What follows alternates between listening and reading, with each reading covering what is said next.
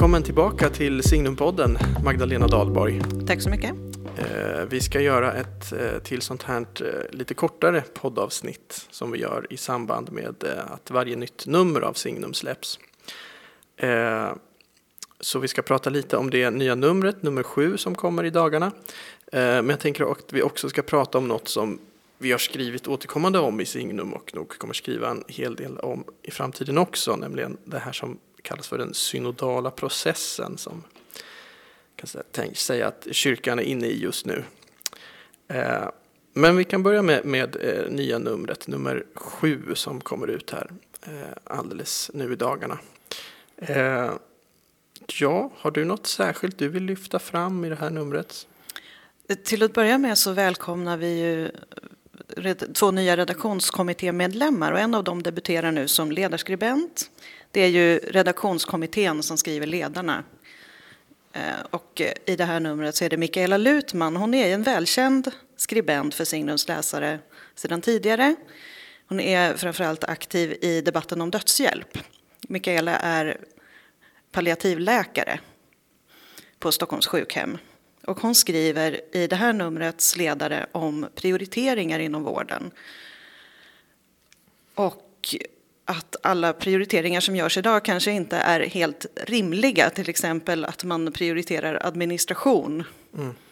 eh, framför god vård. Precis, hon lyfter också fram, apropå att vi kanske förknippar henne mycket med att ha skrivit om, om dödshjälp, så, så skriver hon också ett annat perspektiv som är viktigt att lyfta fram. Eh, att man kanske för ofta prioriterar att hålla liv vid patienter som eh, snarare kanske skulle erbjudas en värdig avslut. Eh, och det är också eh, ett slags felprioriteringar som jag tror man ofta gör. Precis, att man utsätter patienter för undersökningar som faktiskt blir väldigt, väldigt plågsamma utan att egentligen ge någon hjälp. Mm, för att man ska alltid liksom göra allting som står till buds. Eh, men det kanske inte alltid är det mest mänskliga att göra så att säga. Precis. Så det är vi väldigt glada över att hon har ja. skrivit om. Och sen har vi en eh, välkänd skribent som krönikör, Roland Poiré Martinsson. Och den som inte har lyssnat på söndagsintervjun, ja. nu gör jag lite reklam för den, för den är väldigt fin. Ja, jag tänkte precis nämna den också. Jag har faktiskt inte lyssnat på den än, men det är väldigt många som har sagt att det här måste man lyssna på. Mm. Ja, då har du något att se fram emot. Ja, kul. Så vi är glada över att han kommer in som krönikör. Eh, skriver om att det är skillnad mellan vad som är lagligt och eh, vad man kan anse är moraliskt rätt. Mm. Att de inte nödvändigtvis behöver sammanfalla. Just det.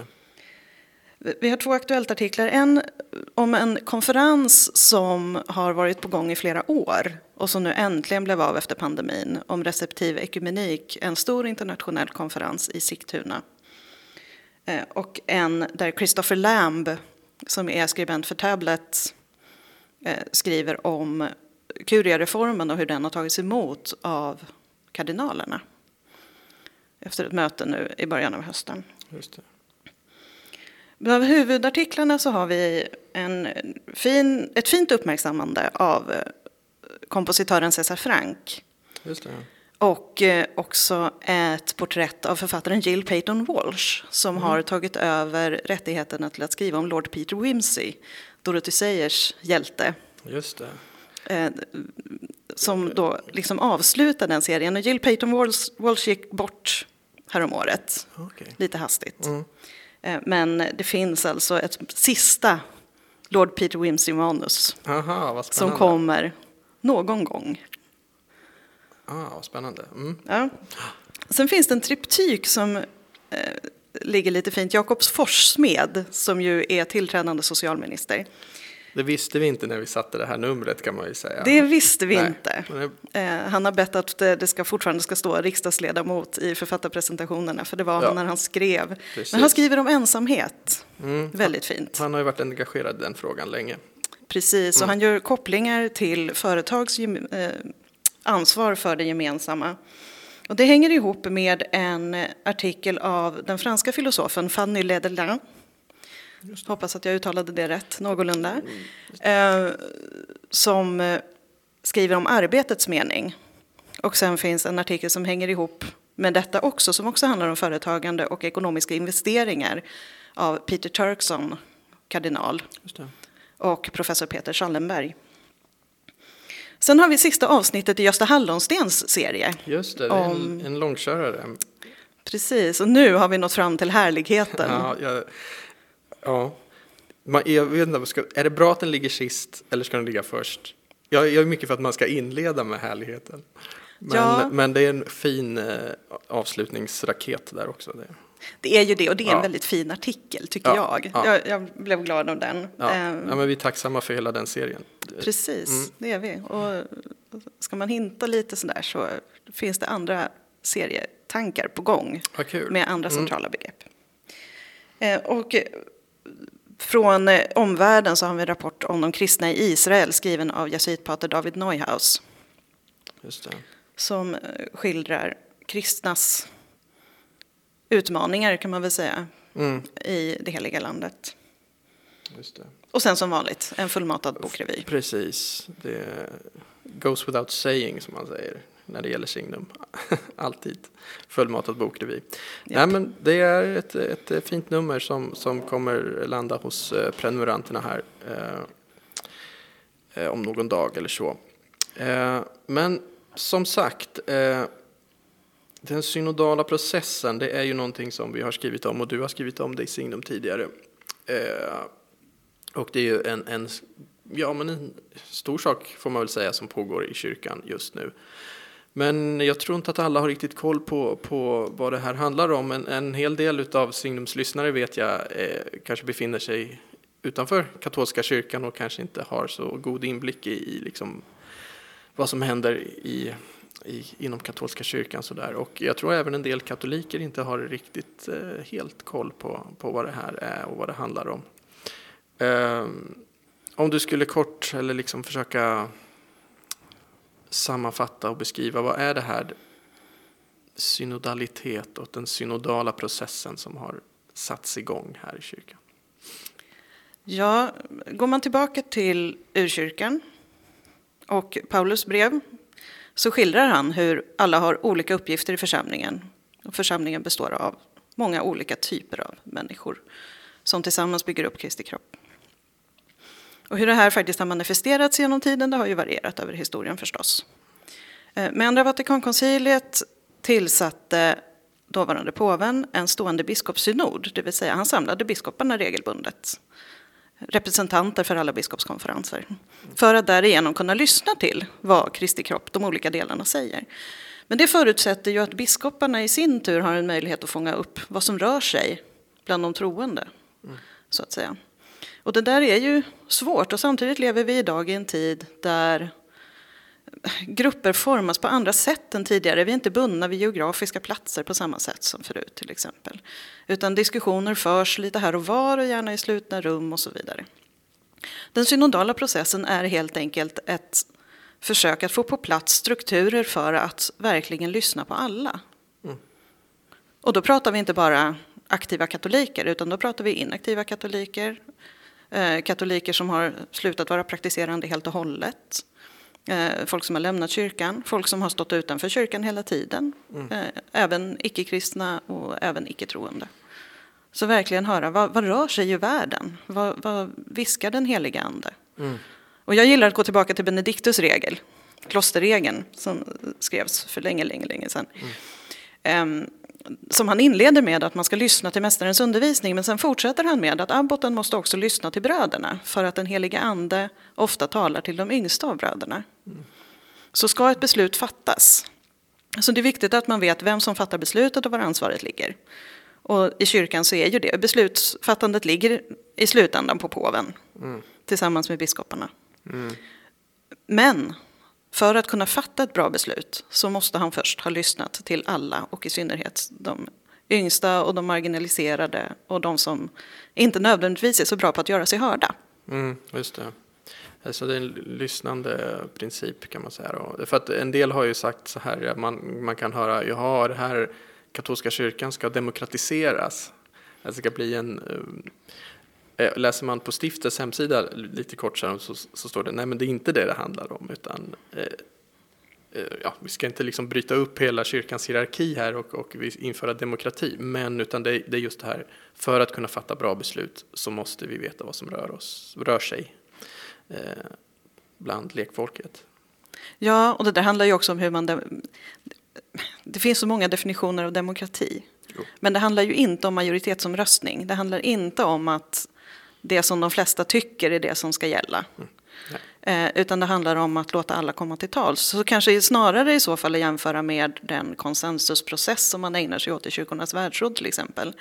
Att alla ska få en möjlighet att säga sitt och bli lyssnade på. Och i bästa fall också förstå det beslut som fattas. Även när det går emot det man själv tycker. Mm. Men där fortsätter ju Benediktus med att man ska säga sitt men sen ska man inte pressa sin ståndpunkt. Mm. Utan när man har sagt sitt så backar man och så låter man processen gå. Liksom. Mm. Uh, men det här har ju satts igång och uh, uh, man har liksom börjat göra det här i, de olika församlingarna ute och man har nu till och med sammanställt två rapporter. Eller det finns en svensk rapport, det finns en nordisk för hela Norden och de ska sen då skickas till något slags generalsekretariat. Vad har kommit fram i de här rapporterna? Om vi börjar om vi kan börja med den svenska då. Vad, vad liksom är det som Finns det några huvudspår man kan se vad, vad som har kommit fram? Ja, det är väldigt påtagligt att eh, katolska kyrkan i Sverige är väldigt, väldigt mångkulturell mm. och väldigt blandad. Eh, där skiljer sig ju katolska kyrkan i Sverige mot eh, katolska kyrkan som den ser ut i en del länder där katolska kyrkan har funnits länge och är mer, mer homogen, mer integrerad med befolkningen så att säga. Men vi är ganska få män från väldigt många olika håll. Mm. Och det där tar sig uttryck bland annat i att det är lite si och så med gemenskapen i församlingarna. Mm. Eh, det där dyker upp i väldigt många församlingsrapporter. Men ser man världen över så är det här faktiskt ett problem som verkar finnas i hela kyrkan. Och det är ju en varningssignal i sig. Det säger att det är någonting i kyrkans struktur som, även om det kanske inte motverkar församlingsbyggande, så ger det kanske inte det stöd till församlingsgemenskaper som vi i en tid där kyrkan inte längre är självklar majoritet någonstans mm. egentligen.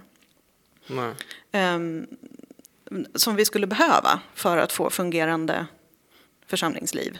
Mm. Eh, så, men det där är återkommande, att grupperna, det, församlingarna består av väldigt många olika grupper som egentligen inte interagerar så mycket med varandra. Mm. Och det är ganska talande att i den svenska processen så finns det väldigt, väldigt lite från de nationella missionerna. Och det, jag tror att jag fick budet att det har kommit en rapport från en orientalisk grupp. Mm. Vilket innebär att vi har varit dåliga på att integrera alla i den synodala processen. Det är väldigt uppenbart. Ja, det kan man väl se generellt eh, om man ser det över hela världen också, att det har varit försvinnande få faktiskt som har... Världen över, om de siffror som portalen The Pillar mm. Eh, tog fram för några få eh, biskopskonferenser och stift, om de stämmer ungefär så kan man väl säga att snittet världen över kanske ligger runt 1 procents deltagande. Mm. Jag måste säga att alltså, så, eftersom man riktar sig till alla, även katoliker som inte är praktiserande, mm. så är 1 procent kanske inte jätte, jättedåligt ändå för, först, för en första gång så här. Um, men i ett stift som det svenska, där vi ändå inte är särskilt många, borde det ha kunnat gå att få högre deltagande än vad det förmodligen har varit. Mm. Och där, där, tycker jag att man kan fundera på om man hade behövt göra mer än att gå via pastoralråden som ändå eh, ofta består av de mer engagerade församlingsmedlemmarna som känner de mer engagerade församlingsmedlemmarna. Det kräver ganska mm. mycket arbete för att nå utanför de där som alltid kommer på allting ändå.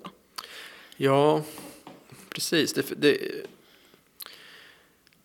är, är det inte så att det finns ändå en ganska stor majoritet. Nu bara tänker jag fritt och högt här. Du får säga vad du tycker. Du har mycket mer eh, liksom, eh, inblick i den här världen tror jag.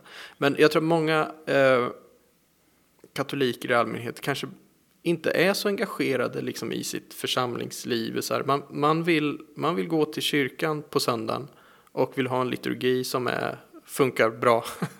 och eh, eh, liksom, man, det är vad man begär. Liksom.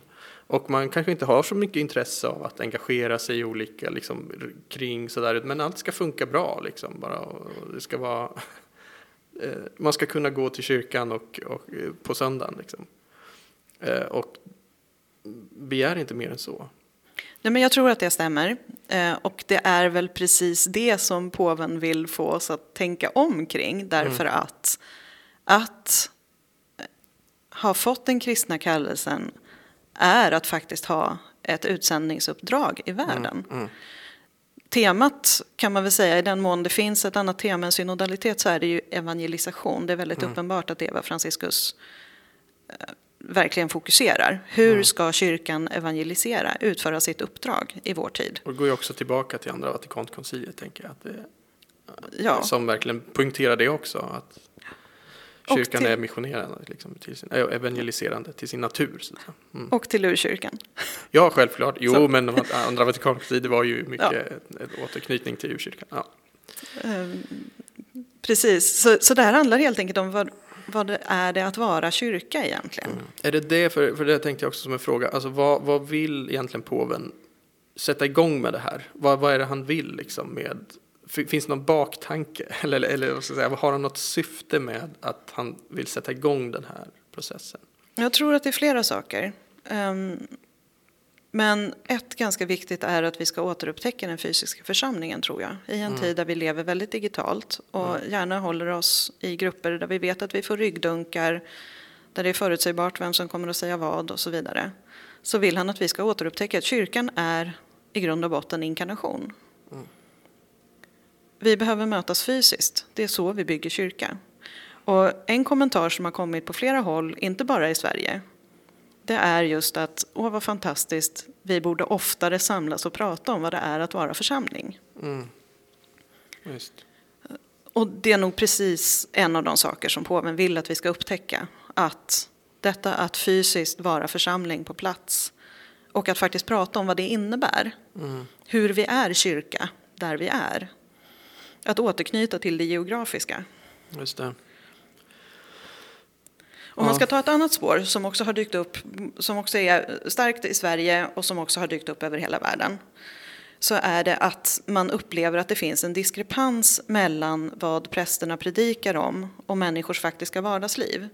Och det är också en sån sak som är viktig att det kommer fram. Absolut. Det handlar ju mer kanske om prästernas utbildning och att ge en möjlighet att faktiskt förstå och våga ta sig an att människors liv inte alltid ligger i linje med idealen. Nej, det där tycker jag är lite... Eh, på ett sätt kan jag... Jag kan förstå det. På ett sätt kan jag... Men det beror säkert väldigt mycket på vilken församling, vilka präster man har och så. Men eh, om jag ska säga som är konvertit och kommer utifrån från ett annat sammanhang så, så har jag, jag tyckt att det har varit en befrielse i den katolska traditionen. Att där har det funnits en förståelse för att det finns en spänning mellan ideal och verklighet. Och det finns inlagt i, liksom, går djupt i traditionen att, att eh, en slags förståelse för att eh, ja, man sänker inte idealen eller så, men, men man har förståelse för att man når inte alltid upp till dem och eh, det finns en spänning där. Så det där tycker jag var ganska intressant att det där var något återkommande, för jag har inte riktigt upplevt det så. Nej, och jag har inte heller upplevt det så. Vi hör ju till samma församling. Ja, precis. Um, men, men eh, det är återkommande på andra håll i landet mm, mm. och mm. som sagt var också globalt. Och det jag funderar på är om det är just den här medvetenheten om spänningen och vilan i, alltså att, att kunna vila i att den där spänningen måste få finnas. Mm. Det är ganska svårt. Uh, och att det möjligen är där som det kanske brister i prästutbildningen på en del håll. Mm. Eh, att, att prästerna inte alltid får den hjälp och de filosofiska verktyg som man behöver för att kunna låta det finnas en spänning mellan ideal och verklighet och att, kunna, att orka hantera den. Mm. Men finns inte absolut de filosofiska teologiska verktygen men det finns ju också en som är liksom lite inbyggt ändå i att, eh, att vara präst i katolska kyrkan är så skilt från, eh, liksom, låt säga, ett vanligt familjeliv. Alltså, de lever faktiskt helt andra typer av liv och det är, det är så det är. Eh, och någon, jag tänker så här, rent, det, mycket av det här handlar om praktiska saker. Alltså att det är att leva ett liv liksom i, ute i samhället, ett familjeliv, det är inte, det är liksom hela tiden ideal och verklighet eh, som, som man, man liksom dagligen eh, måste handskas med det. Eh, och jag vet inte, ja, det kan finnas någon rent praktisk kunskap som måste kanske in där. Liksom. Hur, hur är det att leva ett, eh, ett vanligt familjeliv liksom, eller så? Ja. ja, men det tror jag. Eh, samtidigt så, jag menar, även den som vigs till präst har ju haft en vanlig jo, uppväxt. Absolut. Eh, och har ju förmodligen vänner Ja. utanför. Så att det saknas nog inte egentligen material så. Nej, och, nej precis. Och, så, så, om jag skulle ta från mitt eget liv så känner jag inte jag igen det så mycket. Så, utan jag tycker det finns en, en förståelse från de präster jag interagerar med. Så att säga. Men, mm. En annan återkommande sak är, återigen, både i Sverige och i resten av världen, är behovet av utbildning för lekfolk. Mm. Och, då, och då vill jag återgå till det här med eh, kyrkan som majoritet på många håll. För idag så är inte kyrkan riktigt i majoritet någonstans tror jag om man tittar till faktiskt praktiserande. Nej. Um, så vi har gått från en situation där kyrkan har haft väldigt tydlig majoritet och stark ställning på en del håll och sen varit en liten missionsenklav Mm. eh, på andra håll till, ett ställe, till en situation där kyrkan är en mer eller mindre etablerad minoritet i princip överallt. Mm. Och det kräver på ett helt annat sätt att lekfolket tar sitt ansvar i evangelisationen men då behöver man också utbildningen för det.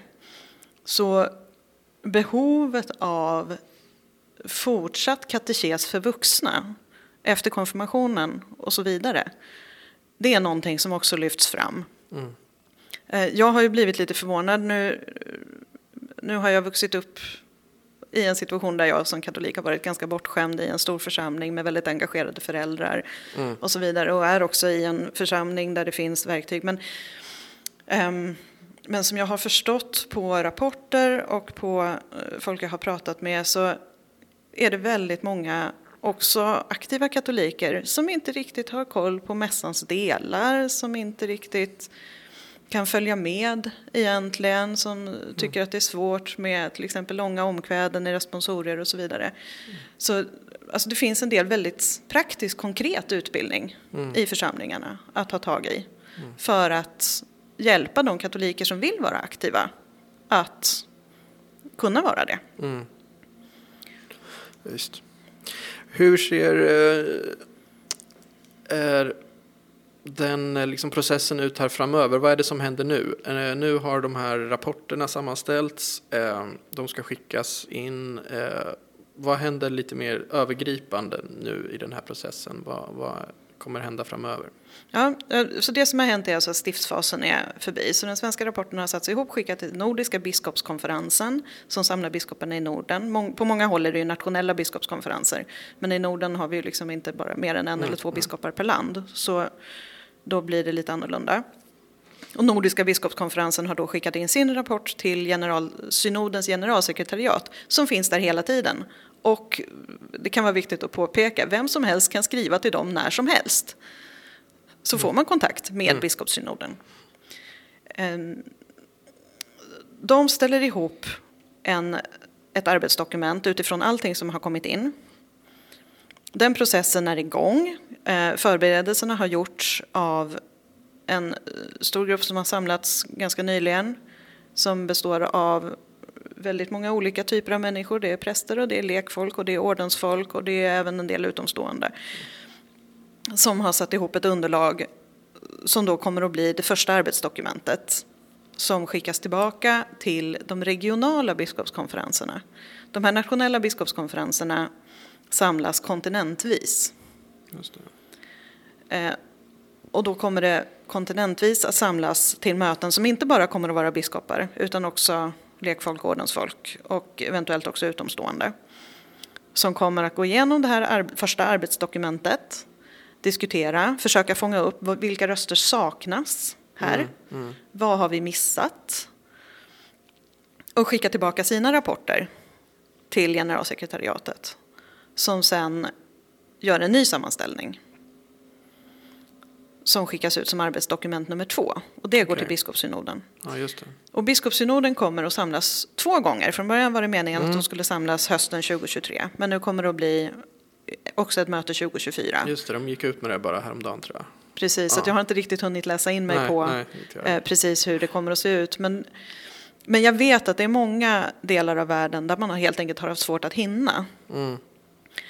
Och för att gå tillbaka till påvens syften och så vidare så tror jag att en del i det här att det har varit så väldigt, så förhållandevis kort om tid. Mm handlar om att påven vill säga till världens biskopar att det här borde ni ha fått på plats på 70-talet när ja, den stående biskopssynoden formades. Mm, eh, så de här strukturerna borde redan ha funnits. Upp till bevis. Han testar dem lite grann. Precis. Ja, mm. jag tror, för någonstans så är syftet med just den här synodala processen är att vi ska fatta att vi är kyrka på plats, att vi behöver prata med varandra. Mm. Att vi behöver föra dialog och inte bara eh, basunera ut våra åsikter i sociala medier. Nej utan faktiskt prata med varandra och vi behöver mötas fysiskt för det. Mm. Att återupptäcka det. Ja. För att det här är inte en, en engångsgrej utan så här ska det fungera mm. framöver. Så här ska kyrkan funka. Inte så att vi ska samlas till sådana här enorma processer gång på gång. Men eh, vi ska ha en vana vid att i församlingarna, i de mindre gemenskaperna regelbundet träffas och prata om. Mm sånt som rör sig i kyrkan.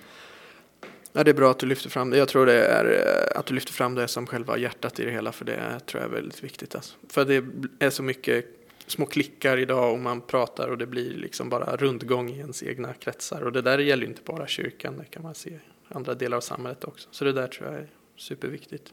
Ja, och då kan man säga att en, eh, ett delsyfte är väl kanske att visa vad kyrkan kan ge världen i mm, det här. Just det, visa. Att vi som är så, vi, vi är så väldigt olika, vi finns över hela världen, vi blandas och vi har olika åsikter, olika syn på saker och ting. Mm. Och vi kan ändå samlas, eh, umgås, älska varandra. Visst, det var ju det som liksom var den stora evangeliserande kraften i början. Det var väl någon sån där romersk kejsare som sa att titta på, titta på de kristna, titta så de älskar varandra. Det fanns något övertygande idag. Men om man ser kyrkan idag så kan man se, titta vad de bråkar med varandra. Det är inte sån evangeliserande kraft i, i det. Nej, jag vet ju mer än en som efter att ha doppat en stortå i katolska sociala medier har sagt att ja, jag var på väg att konvertera men det kommer inte att hända. Nej, håll er undan därifrån. Ja. ja. Och, och där vill jag lyfta fram en, en sak som flera församlingar, det lyfts fram särskilt i rapporten från den franska biskopskonferensen om jag minns rätt, att börja i bön. Mm. Nice. För att då samlas man och formar ett gemensamt vi.